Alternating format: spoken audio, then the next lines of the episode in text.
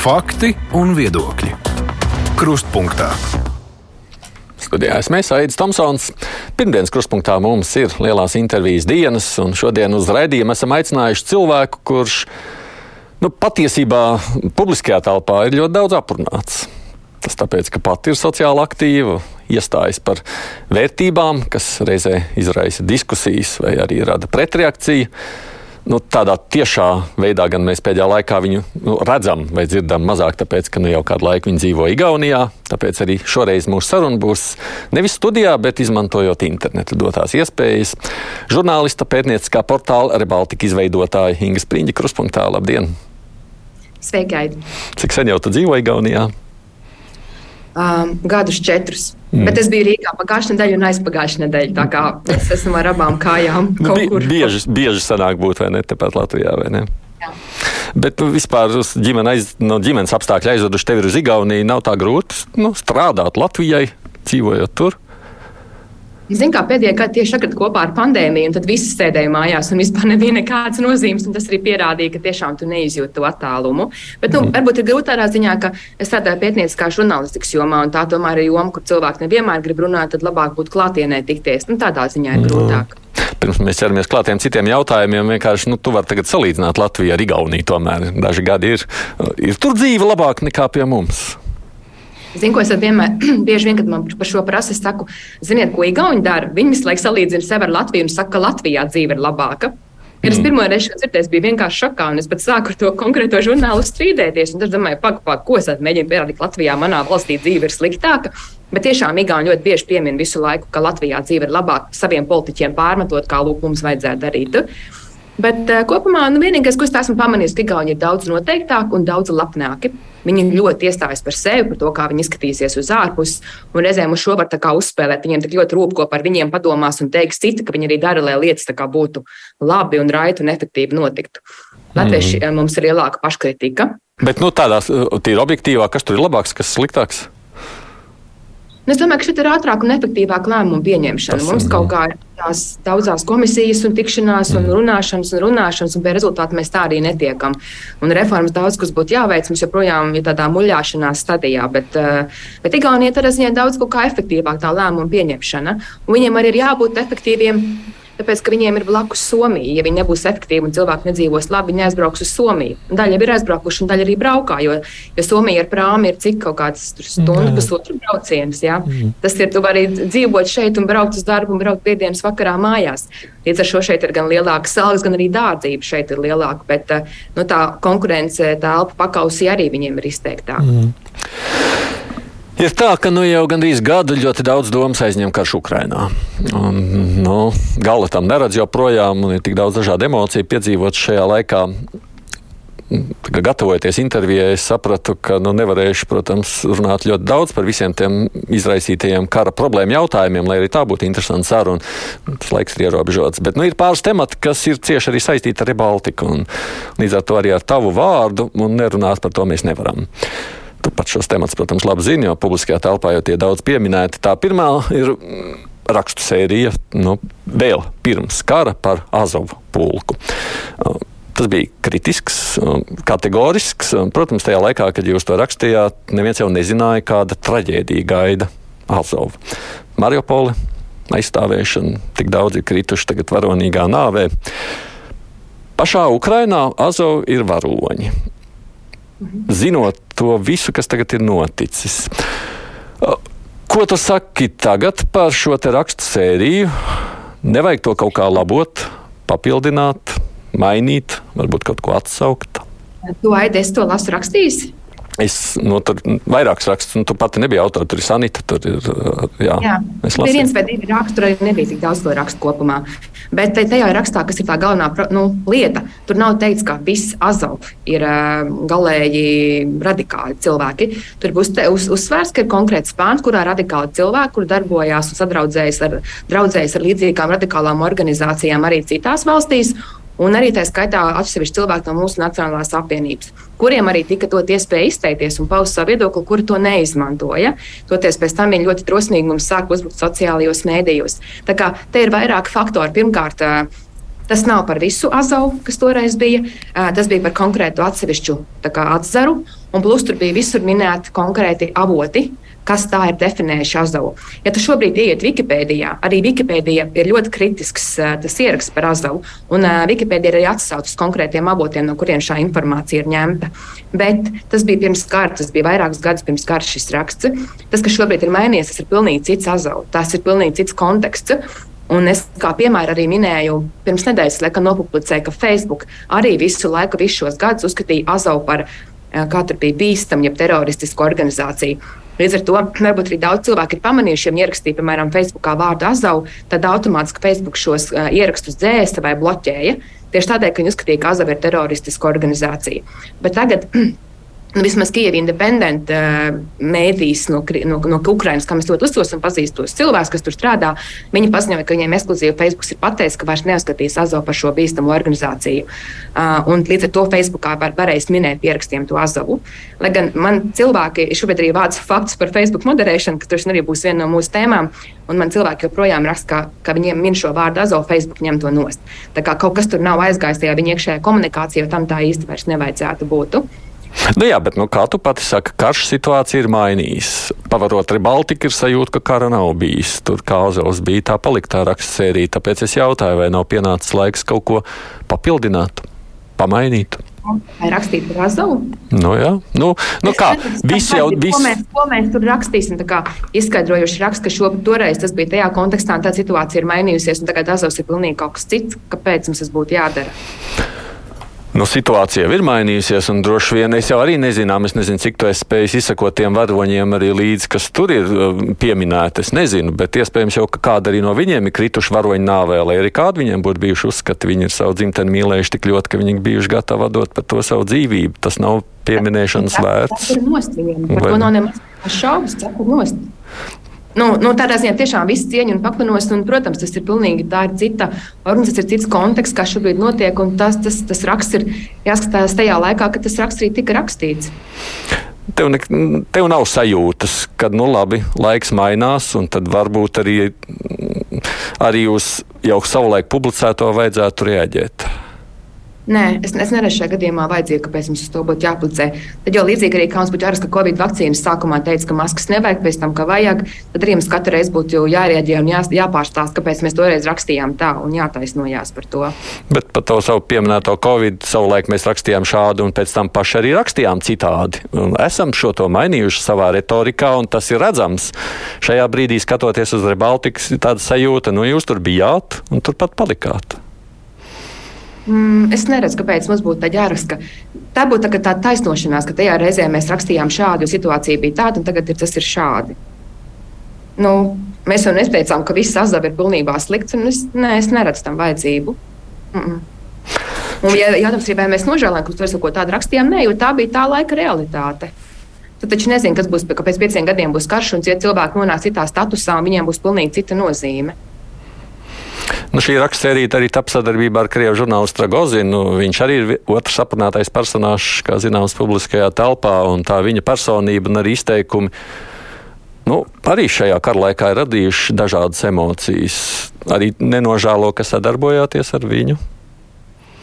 Ah. Lūk, attiecībā uz Leonīdu ir cits jautājums. Mm. Un, tas pareizāk šobrīd bija prasīt sanitē, jo sanitē ar viņu sadarbojās un vairāk varētu arī komentēt. Es arī pazīstu Leonīdu, bet mēs neesam tik ļoti komunicējuši. Un, um, par Leonīdu, jā, man ir jāatzīst, ka Leonīds arī ir mainījies no tā, kas bija toreiz. Un, uh, toreiz man likās vienmēr ļoti būtiski uzklausīt tas, ko Leonīds saka, jo mēs rakstījām vienmēr par Krieviju un pro propagandu. Un, viņš vienmēr iedod tādu kontekstu, kurā tu lika paskatīties savādāk, jo mēs kā dzīvojam savā informācijas telpā ar saviem priekšstatiem, viņš vienmēr ir tāda citu perspektīvu. Man tas likās ļoti būtiski. Man, es uzskatu, ka nevajag norobežoties no cilvēkiem, vai kas domā citādā veidā. Un, eh, bet šobrīd, eh, eh, jā, Leonīds ir mainījis savu viedokli. Un tas, vai arī tur precīzāk ir konteksts mainījies, un Leonīds nav mainījis savu viedokli, un tas ir ļoti problemātiski. Un es negribu publiski viņu spārdīt vai nos, nosodīt, jo Es neuzskatu, ka Leonīds to, ko viņš raksta, darbskiem Kremlis maksāt vai, vai, vai kaut kā apzināti būt Kremļa aģents. Es domāju, ka viņš tiešām tam arī tic. Es domāju, ka viņam emocionāli ir grūti, ņemot vairāk notiek ar viņa, ar, ar Krieviju.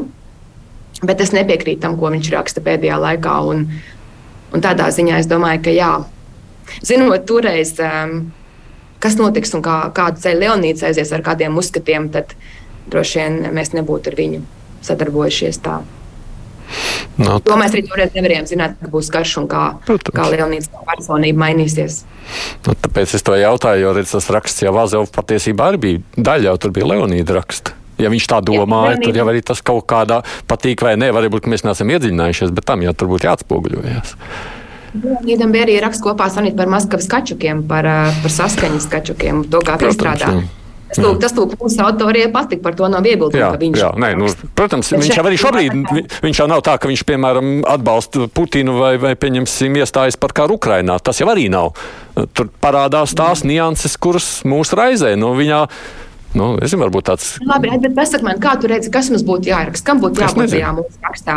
Ka mēs nožēlojam, ka mēs pirms pieciem ne, gadiem tajā kontekstā rakstījām par Azovu, ka, ka mūsu Nacionālās apvienības konkrēti biedri draudzēs ar cilvēkiem, kuriem Breivīka, Norvēģijas um, jauniešu apšāvēja ideoloģija ir tuva, ka mums par to nevajadzētu, ka mums bija jānošķir, ka mēs to rakstījām, un ka Ukrainā bija jāzaud daži atsevišķi kaut kāds flanks ar cilvēkiem, kas tam piekrita un bija šajās visās Es pat nezinu, kā to parasti kustībās iesaistīti.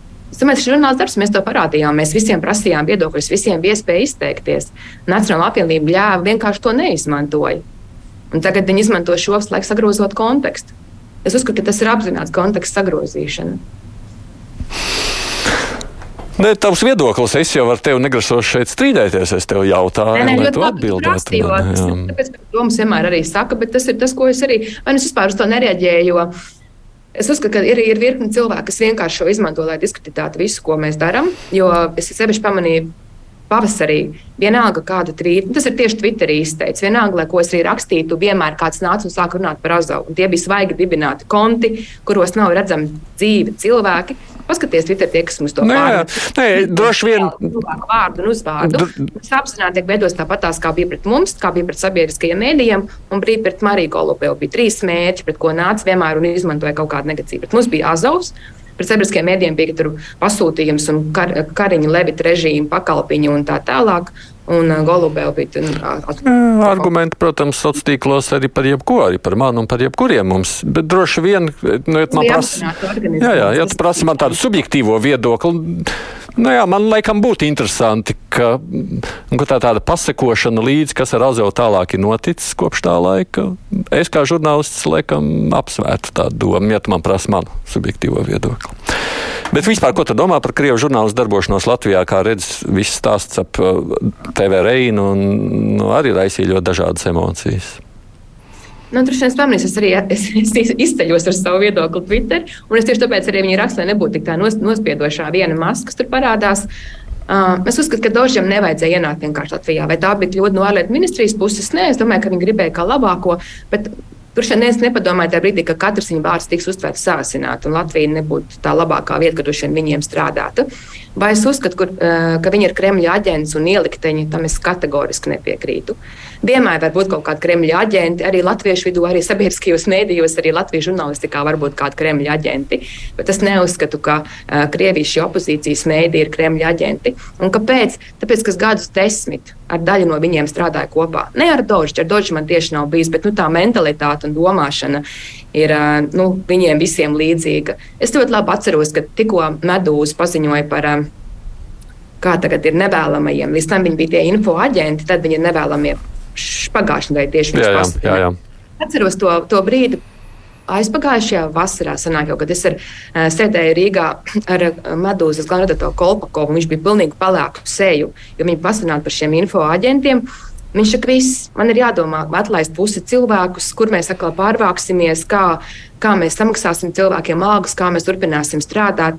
Nu, to nevar notēlot. Esmu redzējis kolēģis, kuri um, ir bēguši uz Rīgu. Un, um, Es nevaru sīkāk izpaust informāciju, bet es zinu organizācijas, kas palīdz šiem cilvēkiem. Ir, jo viņiem ir, nav, viņiem ir bīstami vienkārši uzturēties savā mītnes valstīs pirms kara jau.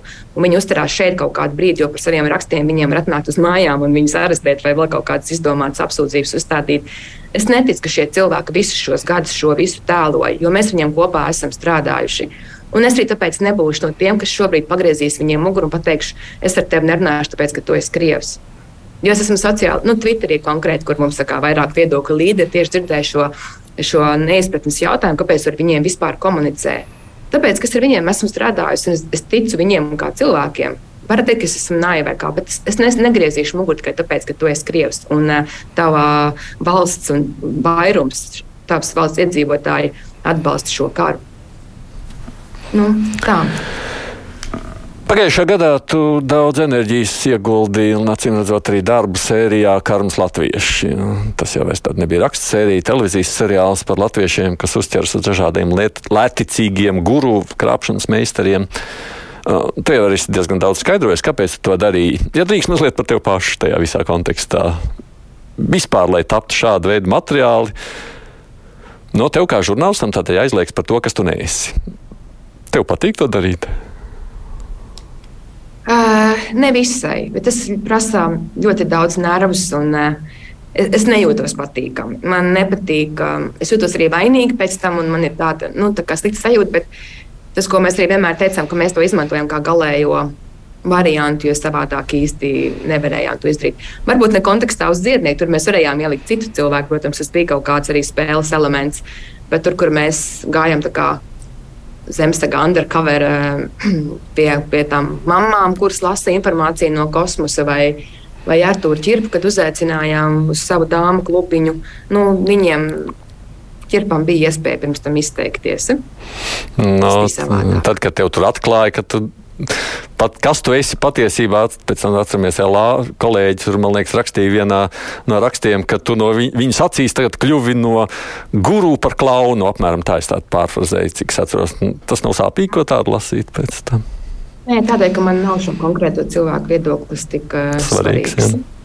Nu, tāpēc tu pats zini, par mums visu laiku kāds kaut ko raksta. Man ir pāris cilvēku viedoklis, man ir svarīgs, un par tiem es arī uztraucos. Un kā es, es pats vērtēju, kādas ir manas vērtības. Bet, nu, zināmā mērā, nu, tāda sajūta, ka tu mazliet sevi pazemo, nu, tā kā tā, tā lielāka mērķa vārdā, apmēram tā. Varbūt, es nezinu. Ir tā vērts? Es domāju, ka jā. Un zinu, ko es pēc laikā sapratu. Tas seriāls no GO3 beidzās jau kaut kad, kad iznāca oktobrī, un tad es gāju TV3. Man viņš bija jau beidzies. Es joprojām, joprojām es saņemu paldies. Mēs tikko noskatījāmies tur ar vīru GO3 visas sērijas. Man tur, piemēram, raksta cilvēki. Un es šobrīd atkal esmu pievērsusies mm. dezinformācijas analīzei. Un zinu, ko es sapratu, ka patiesībā ar tiem visiem uzturu bagātinātājiem un informācijas lasīšanām no kosmosa mēs arī patiesībā iedavām cilvēkiem rīks, kā analizēt kritiski informāciju kas arī pēc tam var, attiecināt uz propagandu un tādām jau lielākām politiskām tēmām. Es domāju, ja mēs būtu aizieši par politiku tieši un analizējuši, kur tur ir fakti vai nav fakti, cilvēkiem jābūt lielāka pretestība. Bet, kad tur runā par uzturu pagātinātājiem, tievēršanas līdzekļiem un tādām lietām, tad um, cilvēki kaut kā varbūt vairāk to uz, uztvers, jo vairāk pret sevi attiecinās. Man liekas, ka man šobrīd tā pēcsajūta ir, ka mm. mēs patiesībā devām kaut kādus rīkus, kā kritiski analizēt informāciju. Tajā pašā laikā, protams, nu, ne jau tikai šis seriāls, visi tie paver tādu plašāku jautājumu, nu, ko tev droši vien nāks dzirdēt ne reizi vien. Nu, prot, katrs jau mēs kaut kam ticam. Un bieži jau nevaram būt pārliecināti par to, vai tas, kam ticam, ir patiesība vai nav. Tas nav tā muļķīgi reizēm norādīt citam, nu, ka tu tici nepareizi. Es nenorādu citiem, ka tu tici nepareizi. Nes, tas, ko mēs vienmēr teicām frāzi, ka mēs neesam pret ezotēriku. Bet, ko es arī esmu sapratusi, vēl vērojot to reakciju, es arī nepopularizēšu ezotēriku. Es pieņemu, ka ezotērika var būt brīži, kad tas ir noderīgi. Ja tiešām tev ir, mums pēdējā sērijā bija sieviete, kurai krūtsvēzis. Uh, un, un, un, viņa, viņa arī pati pasakā, ka viņa mēģināja gluži gan psihoterapeitu, bet beigās viņa aizgāja vairāk tādu ezotērikas ceļu. Tas viņai deva lielāku mieru, lai gan viņa apzinās, bet viņa arī paralēli gāja pie ārsta. Un šajā gadījumā, ja tas tev palīdz, tas tev dod mierinājumu, dari to. Bet es eh, vienmēr primāri tomēr uzskatu, ka cilvēkiem ir jāiet pie nu, tomēr atzītiem speciālistiem, kuriem ir medicīniska izglītība, kas ir atzīta nu, tomēr, psihologs un uh, kurš nav vienkārši cilvēks, kurš lasa informāciju no kosmosa. Bet kur ir tā robeža, kurā brīdī, nu, lai katrs tic tā, kā viņš grib, ja viņam palīdz, lai palīdz, un tad kurā brīdī tev kā žurnālistē šķiet, ka tev ir nepieciešams ierādīt, iejaukties un norādīt, ka lūk, tas nav lauga. Jā. Es pateikšu, tajā brīdī, kad šie cilvēki iedomās, ka viņi ir pārāk lieli guru, kā Arthurs Čeps un Inta Blūma, piemēram. Ja? Jo Inta Blūma jau var nestāstīt tikai, kā staigāt ar gariem svārkiem, lai vairotu sievišķīgo enerģiju. Viņi stāstīja par to, ka Ukraiņa, Ukraiņa vēseles ir pelnījuši šo so karu un par to, ka Ukrainā Krievi uzbruk, tāpēc, ka ir ASV izvietojuši savas biolaboratorijas. Vai Artūrs Čips, piemēram, saka, ka nevajag uzticēties medicīnai un ārstiem un Big Pharma visas sazvērestības teorijas. Tā ir tā mūsdienu problēma. Es tikko noklausījos BBC 4 arī tieši Kārmas latviešu viņa versijā saucās Jaunie guru, kur arī ļoti labi tā autors skaidroja, ka Mūsdienās katram, tāpēc, ka ir pieejama šī sociālo mediju platformas, katram guru ir iespēja sasniegt kaut kādu savu auditoriju. Bet to guru ir ļoti daudz, un, lai izceltos, viņi kļūst ar vien pārspīlētāki un pārspīlētāki, viņi kļūst ar vien radikālāki. Un šeit radās tā bīstamība, jo visi šie guru saka, neticiet mēdījiem, mēdījums melo, neticiet valdībai un iestādēm, viņi melo. Un tā ir sabiedrības šķelšana, tā ir neusticēšanās. Tas ir tas, ka mums būs jāpieņem konkrēts lēmums krīzes brīdī. Mums būs diezgan liela daļa šo alternatīvo cilvēku, kas, kas darīs kaut ko pretēju un kas kaitēs, kas kaitēs mums visiem kopumā, ko mēs redzējām arī vakcīnu laikā. Kad tik liela daļa cilvēku, kas to tic. Par vakcīnām attīstās tikai vēl viens jautājums saistībā ar to seriālu. Vai šādam nu, produktam ir jābūt komerciālam, jo nu, tā, tā pirmsrāde bija maksas kanāls, vai ne? Tur nav tā lielākā auditorija. Daudz arī īstenībā šī iemesla dēļ vispār nav redzējuši to seriālu, jo TV3 jau arī tomēr ir maksas kanāls. Um, tam bija jābūt tādā veidā, ka to šādi vajadzēja. Nu, mums nebija citas iespējas. Mums bija lielas riedli rēķini, kas jāapmaksā. Mums nebija iespēja, kur dabūt naudu. Mēs, eh, mēs pieteicāmies uz SIF, kur mūs izmet ārā, jo mums nebija atbilstoši kritēriju nolikumam. Pat ne, netikām pat līdz satura vērtēšanai. Mūs izsvērt vienkārši ārā pirms. Un, uh, tad mēs vienkārši gājām pie uh, lielākā komerckanāla un, un teicām, kur mums ir produkts. Mēs jau bijām daudz savākuši materiālu, un viņi bija gatavi no mums nopirkt. Viss. Mans ideāls būtu bijis, ja viņi vienkārši YouTube. Vienkārši, kurā brīdī, lai katrs var nākt un skatīties. Bet tagad ar februāri, tā kā ir beidzies ēteris TV3, ar februāri viņš būs pieejams TV Play. Tā pareizi sauc. Ja tur, tur varēs bez maksas, ja, ja nu, šiem būs kaut kāda reklāma jānoskatās, bet tik viens varēs iet un redzēt to seriālu. Nu, kas nozīmē tas secinājums tāds, ka tādu dārgāku produktu sabiedrība šobrīd Latvijā joprojām nav spējīga apmaksāt. Jā. Nu, es domāju, ka cilvēki mums, ja mēs prasītu, lai viņu kā, nu, ziedojumiem savāktu naudu, vai viņi to Mm. Tas bija dārgs produkts arī. Mēs neko nenopelnījām, bet mēs varējām samaksāt atalgojumu visiem. Tur ir milzīga komanda, tur ir komponists, tur ir eh, skaņu režisori. Es pat pirmo reizi strādāju tādā produktā, kur man vienmēr ir bijis, nezinu, kādā televīzijā, ka ir viens cilvēks, kurš samontēja gan skaņu, gan bildi. Šeit katram tam posmam bija atsevišķs cilvēks, kurš, eh, kurš to dara. Un tas viss, protams, kopā veido diezgan lielas izmaksas. Nu, tas pieminētais pandēmijas laiks un covid, ko mēs te jau pāris reizes pieskārāmies. Um, tur jau arī runājam par šo patiesību, nu, ko mēs katrs saskārāmies. Tur bija tāda cīņa par patiesību, sacīsim, tā to pēdiņās, un es tiešām šo iedzienu tā to ielieku. Tu iesaisties arī šajā cīņā par dezinformāciju, kāda bija. Zinu, kā es beigās to raksturošu no, no manas skatu punkta, kā tas izvērsās. Tātad, tur mums bija zinātnes atbalstītāji, ne, kas teica, ka vienas zāles, tā ir sargāšanās un vakcinācija. Un tad tie, kas iestājās nu, sauksim tā, par alternatīvās reaģēšanas veidiem, tur sākot no tautas medicīnas un beidzot ar dažādām interesantām ārstēšanas metodēm. Ar šodienas acīm skatoties, beigās šī striktā nostāšanās vienam pret otru, jo gan izvēle sabiedrība sadalījās Latvijā divās daļās, nesanāca pārāk melnbalti beigās. Nu, jautājums, sakla, ko mēs varam darīt citādāk? Jo tas, ko es zinu konkrēti, faktu pārbaudas kontekstā, um, tur jau arī ar laiku, tomēr kolēģi ļoti uzsvērti ir rakstīja klāt, ka saskaņā ar šī brīža pieejamo informāciju Mēs vakcinējamies saskaņā ar šī brīža pieejamo informāciju, maskas vajag vilkt vai saskaņā ar to, nu, ka uzsver, ka tā ir tā informācija, kas ir zināma šobrīd. Es, es neredzu savādāk, kā mēs varētu darīt, ja tomēr balstāmies uz Jā, to nav pieņemt attīstību zinātnē no tiem faktiem. Par to nav šaubu, bet var jau būt, ka tajās bažās, ka cilvēki nu, pārāk kategoriski paņem vienu vai otru. Nu, es arī vēroju no saviem paziņām, draugiem, ģimenes locekļiem, kas, pieņemsim, ļoti atbalsta vakcināciju, jā, un arī gāja un ievēroja visas instances. Bet tajā brīdī, kad saslim, labprāt, arī lietoja kādas tautas metodas, meklēja tur vitamīnas, dzēra, lietoja stiprināja imunitāti un vispār, jo ko dara. Un tad bija saka, tajā publiskajā telpā likās tā tad.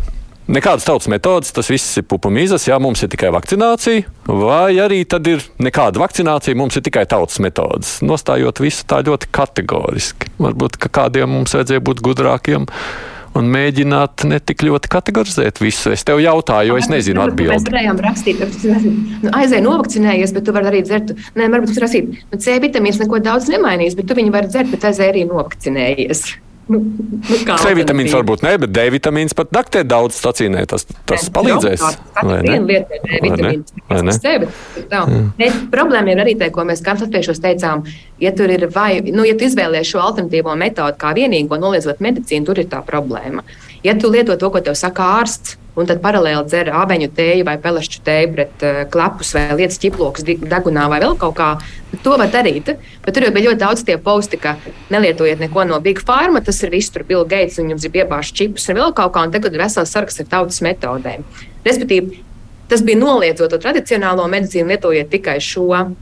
Man liekas, skams attiešos ir viena sērija, ka ļoti labi tieši saka, kamēr tā alternatīvā medicīna ir komplementāra, ko tu lieto papildus, tur nav, no nu jā. nav problēma. Redzi, es, kāpēc par to aizdomājos? Es, man šķiet, kur nu mēs sajūtām visvairāk to sabiedrības sašķeltību, tas bija pandēmijas laiks. Jā? Tur, tur, tur radās vairāk nekā iepriekš līdz šim. Ir jau bijuši arī iepriekš, bet nu, šis tā ļoti sašķēla sabiedrību. Vai varēja kaut kā nezinu, gudrāk. Jā, varēja. Zin, kur varēja? Kur varēja un kas bija?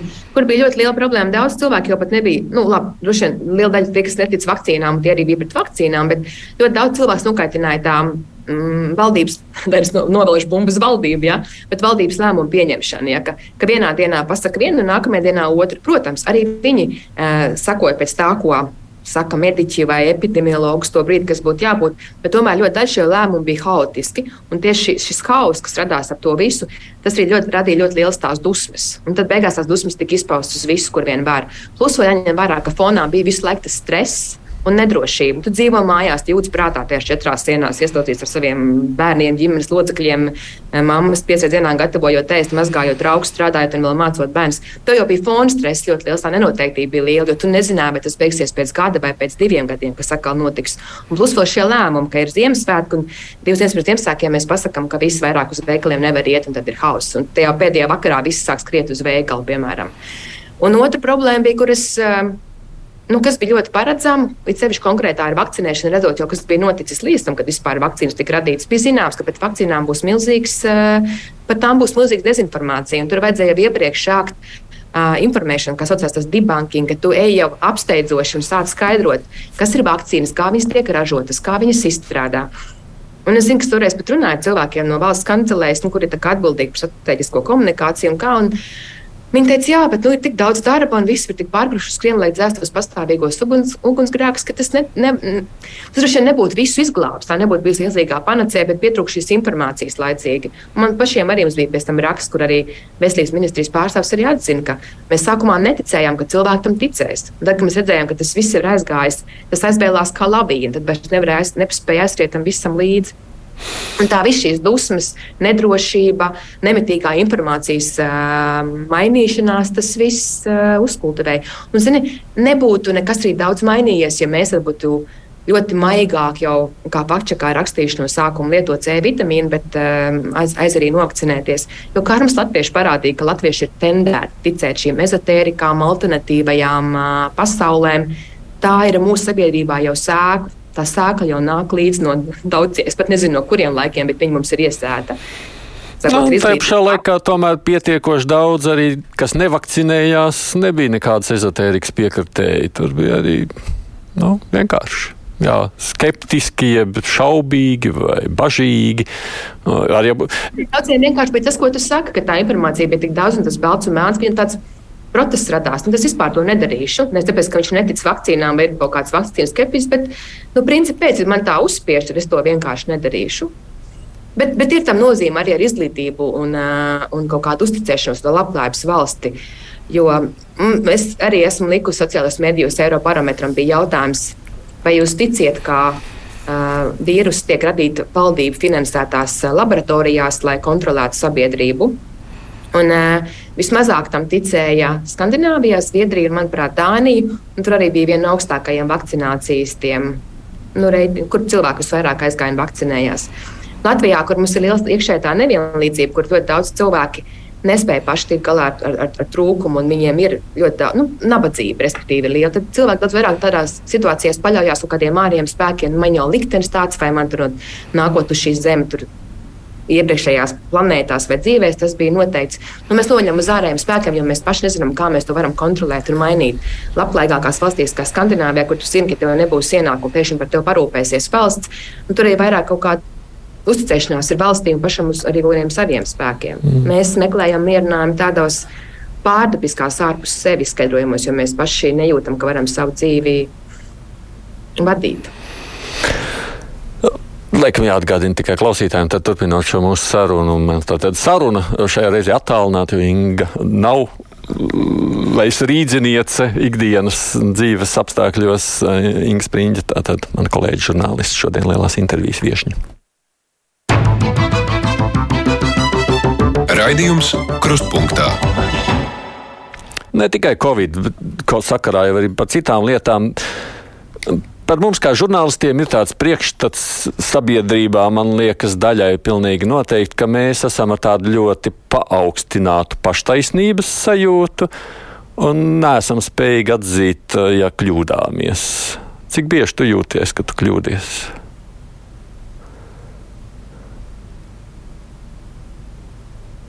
Mm. Es ļoti bieži domāju, vai kaut ko vajadzētu darīt tā vai nevajadzētu. Ja tu man tādu sitienu tā prasi, man tā. Jā, paštaisnums man piemīt. Es to tev pateikt.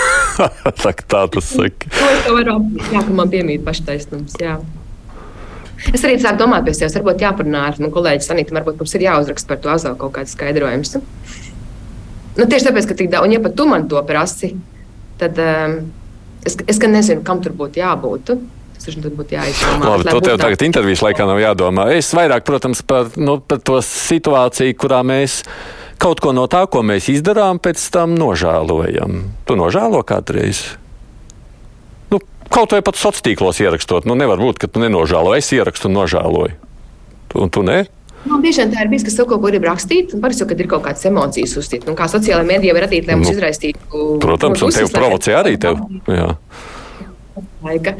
Zinu, ka atkarīgs viss ir no tā, kāds man ir garas stāvoklis un cik nogurusi es esmu.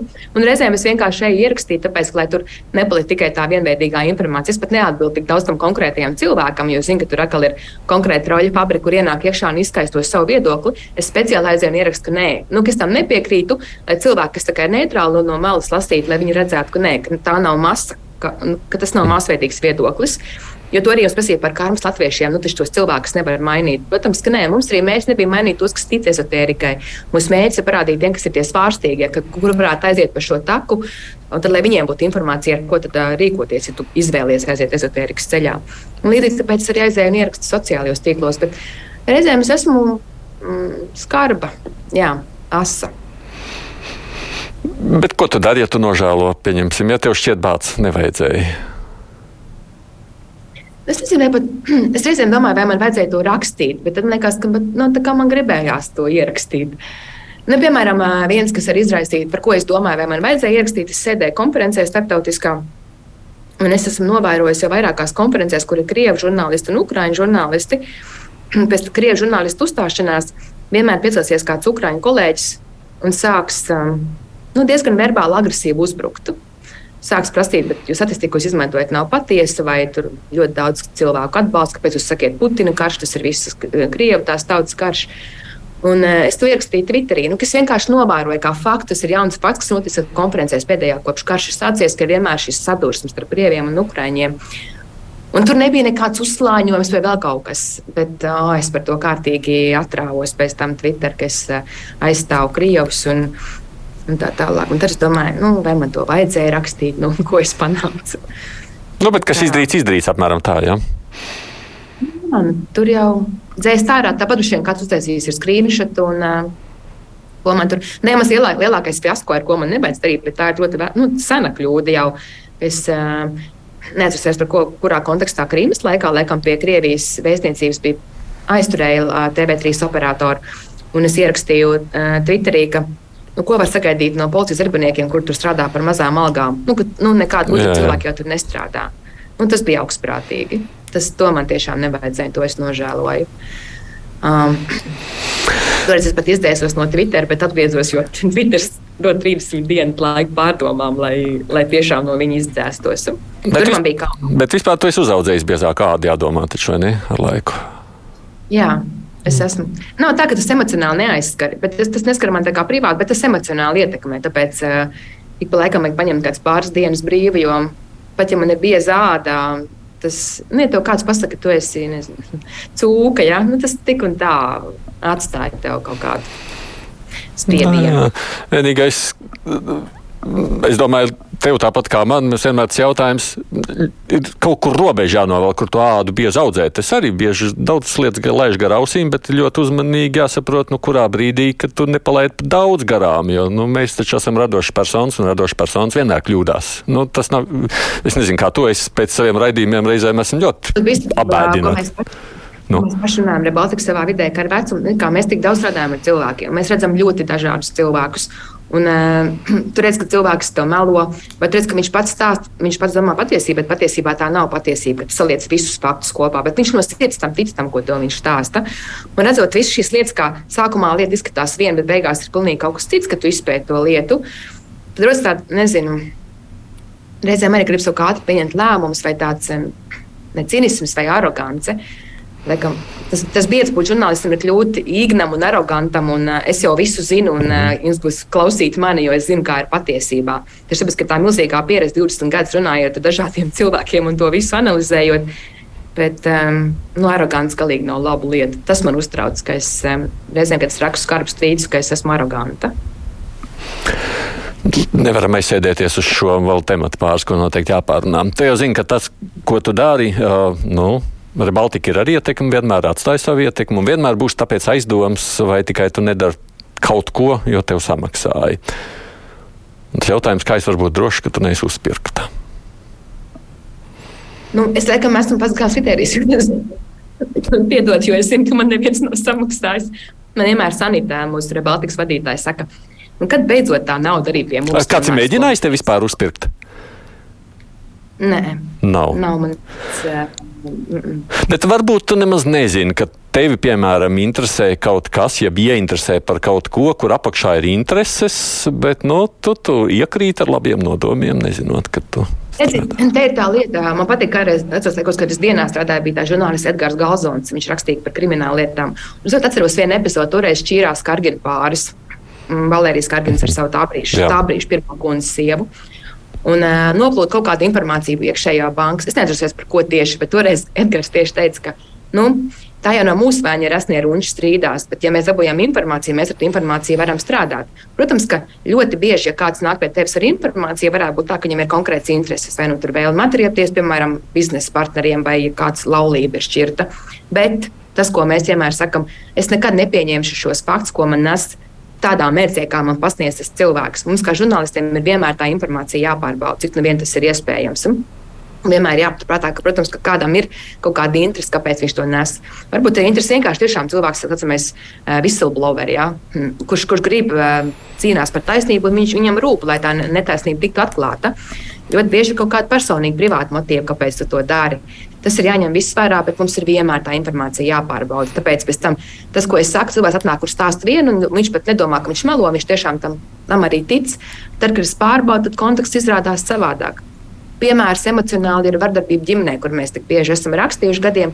Un nāk pie manas māmas un saka, man es neesmu redzējis četrus gadus bērnu, tēvs viņu man ir apņēmis. Un tad, kad sāk lasīt tiesas materiālus, Nu, nu, nav tā gluži. Jā, tas bērns nav četrus gadus pie tevis bijis, bet tu viņam iesiti. Viņa saka, nu, es tikai tur uzšāvu. Nu, bet saskaņā Latvijas likumdošana arī uzšaušana ir iestišana bērnam. Mm. Nu, tas viss transformējās, bet tā mamma pati tiešām tam arī tā tic. Nu, pat, bet arī pat tādās lielās lietās, ja tur kāds, pieņemsim, nu, kādu kādu mērķu vārdā tu sadarbojies, kāds uzņēmums, nu, kādā nozarē, pieņemsim, palīdz atklāt, bet tu saki arī tad tu pārbaudi to faktu, ko tev tie uzņēmējs vai uzņēmums vai kādas nozars. Es, es hipotētiski mīnu tev pienesu informāciju. Ja? Mums vienmēr ir jāpārbauda informācija. Vienmēr.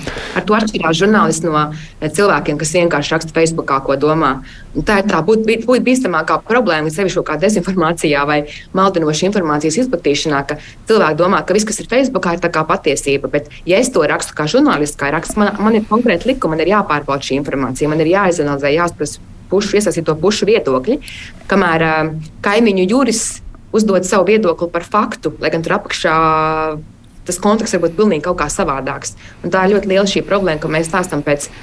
Bet es skatos, šobrīd tikko kolēģi teica, ka ir diskusija par mazajām lauku skolām, jo ministra laikam ir pateikusi teikumu, ka lauku skolās ir zemāka izglītība. Šī arī ir Baltikas tēma.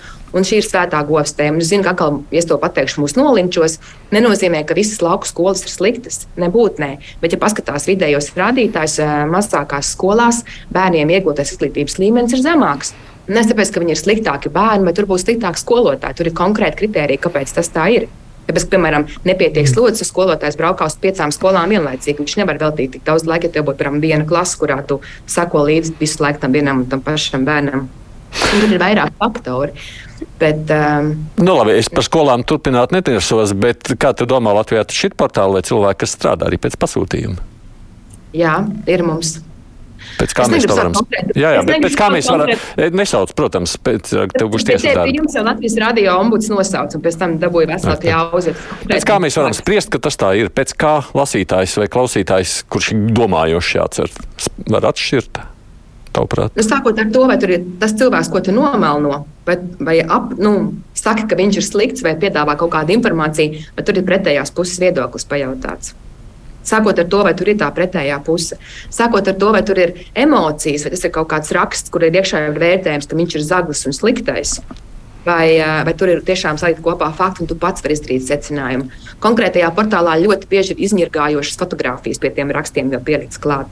Tur ir attieksmju attieksme parādīta pret tiem konkrētajiem rakstiem un rakstu varoņiem. Zinkārība tev nekad nav nācis domā, varbūt krātā pieķerties. Es jau nezinu, vai mums tikai viens vai vairāk kaut kādiem tematiem, nu, pētniec kā žurnālistikā, palūkoties, kā Latvijā tiek maksāts, lai ietekmētu sabiedrisko domu. Es te vidēji pametu.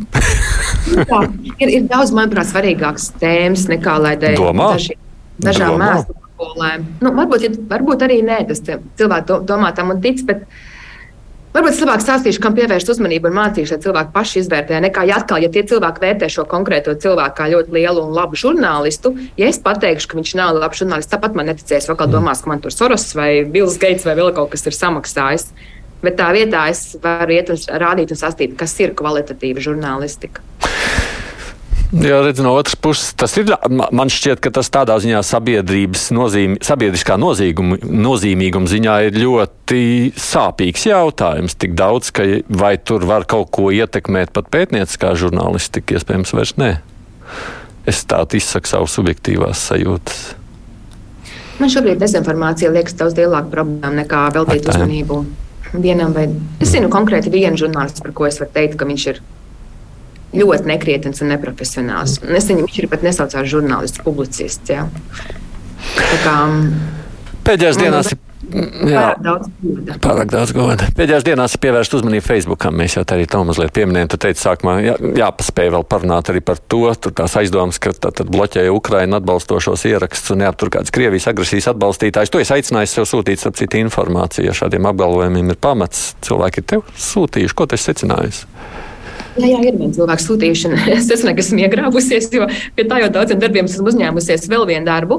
Bet, bet nē, es gribu, jo šī tēma ļoti bieži, ko mums cilvēki saka. Pirmkārt, kas man patīk, ka vairs nevaino mūsu, ka mēs bloķējam, ņemam nost. To beidzot cilvēki sapratuši, ka rīčeks to nedara. Mēs nevaram ne bloķēt, ne kaut ko ņemt nost. Un tagad tas dusmas ir veltīts uz moderatoriem. Bet uh, joprojām es neesmu faktoloģiski redzējis konkrēts, nu, tāds spēcīgs pierādījums, ka tiešām tur strādāt moderatoros pro-krieviski cilvēki, un tāpēc viņi ņemt no tām pro to Ukraiņu atbalstošo saturu. Bet tur, kur ir problēma, kuras tiešām redz, ka nu, tajos nu, Facebook moderēšanas politikā. Facebookam pēc būtības ir vienalga, vai tu slavini Putinu, Zelenski vai um, vēl kādu citu, nezinu, diktatoru, piemēram. Viņiem visi cilvēki ir vienlīdzīgi, visiem ir tiesības netikt aizskartiem.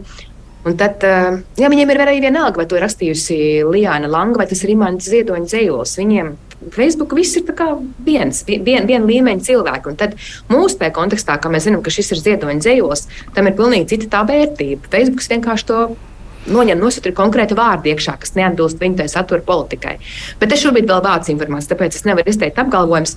Es sazinājos arī ar Bulgārijas žurnālistiem, jo arī mūsu drošības dienas pateica, ka Bulgārijā ir šis, šī pieredze bijusi, mm -hmm. kurš arī ir bijis bloķēts vairākas reizes. Viņš ir pētījums, arī pats uzrakstījis par šo tēmu.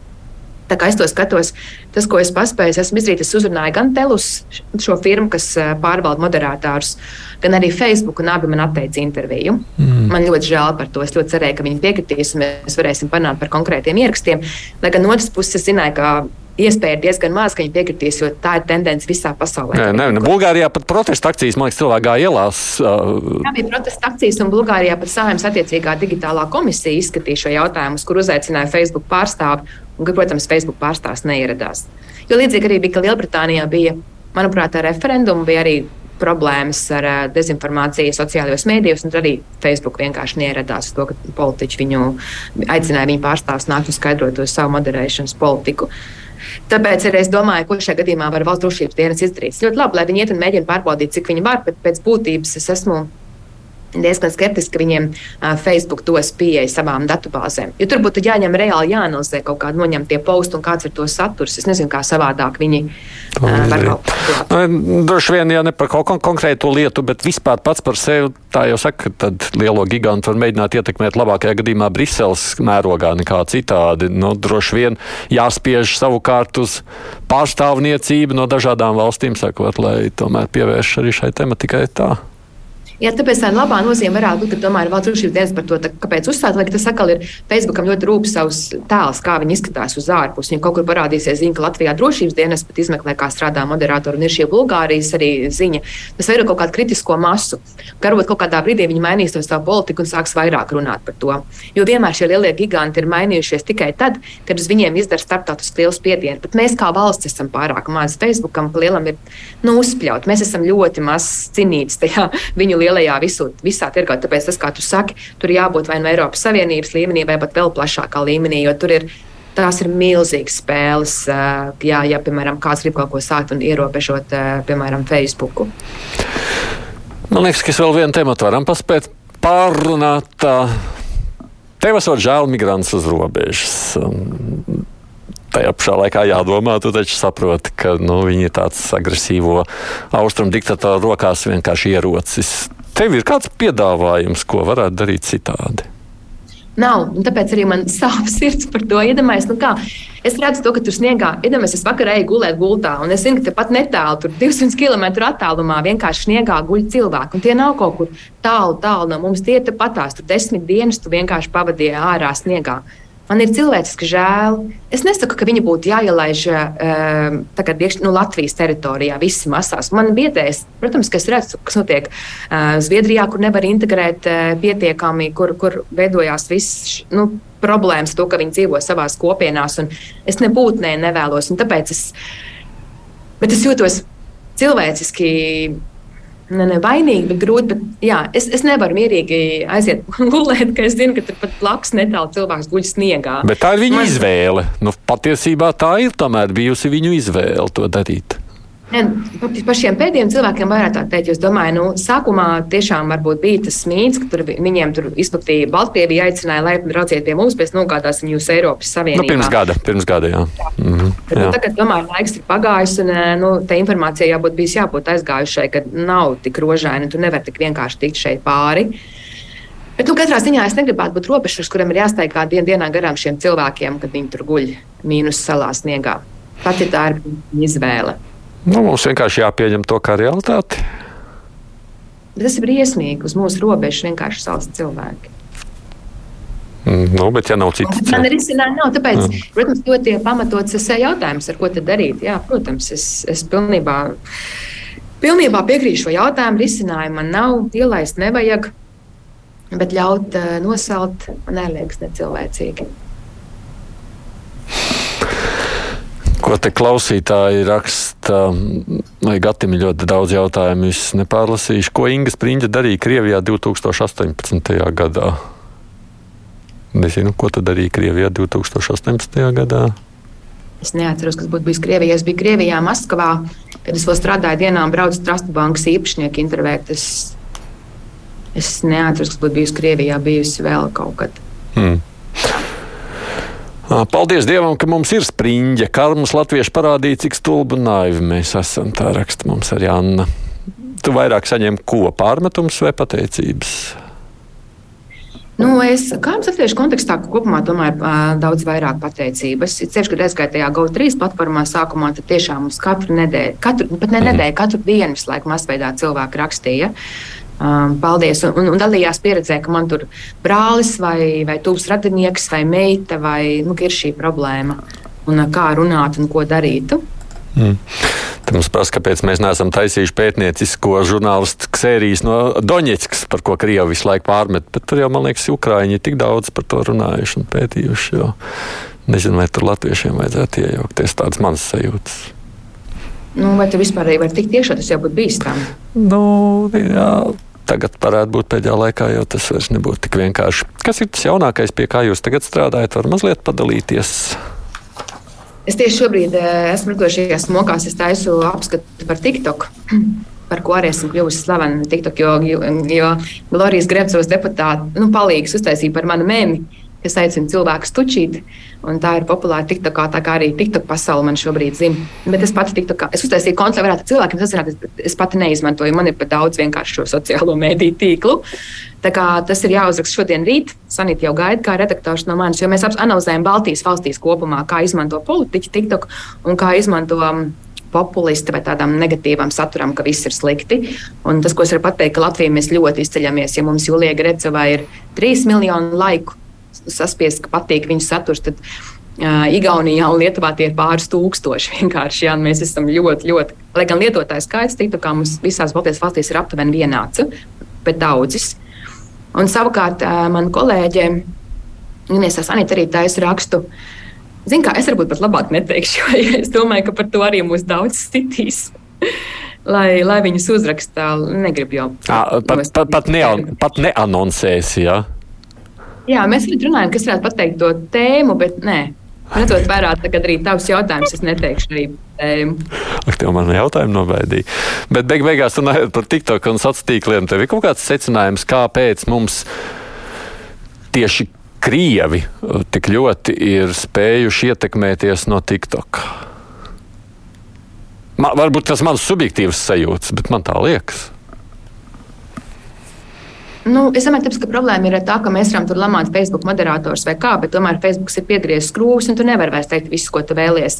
TikTok arī nav tā, ka tur var darīt visu, ko grib, jo viņi paši sūdz, ka viņu kontus bloķē vai noņem no, piemēram, video.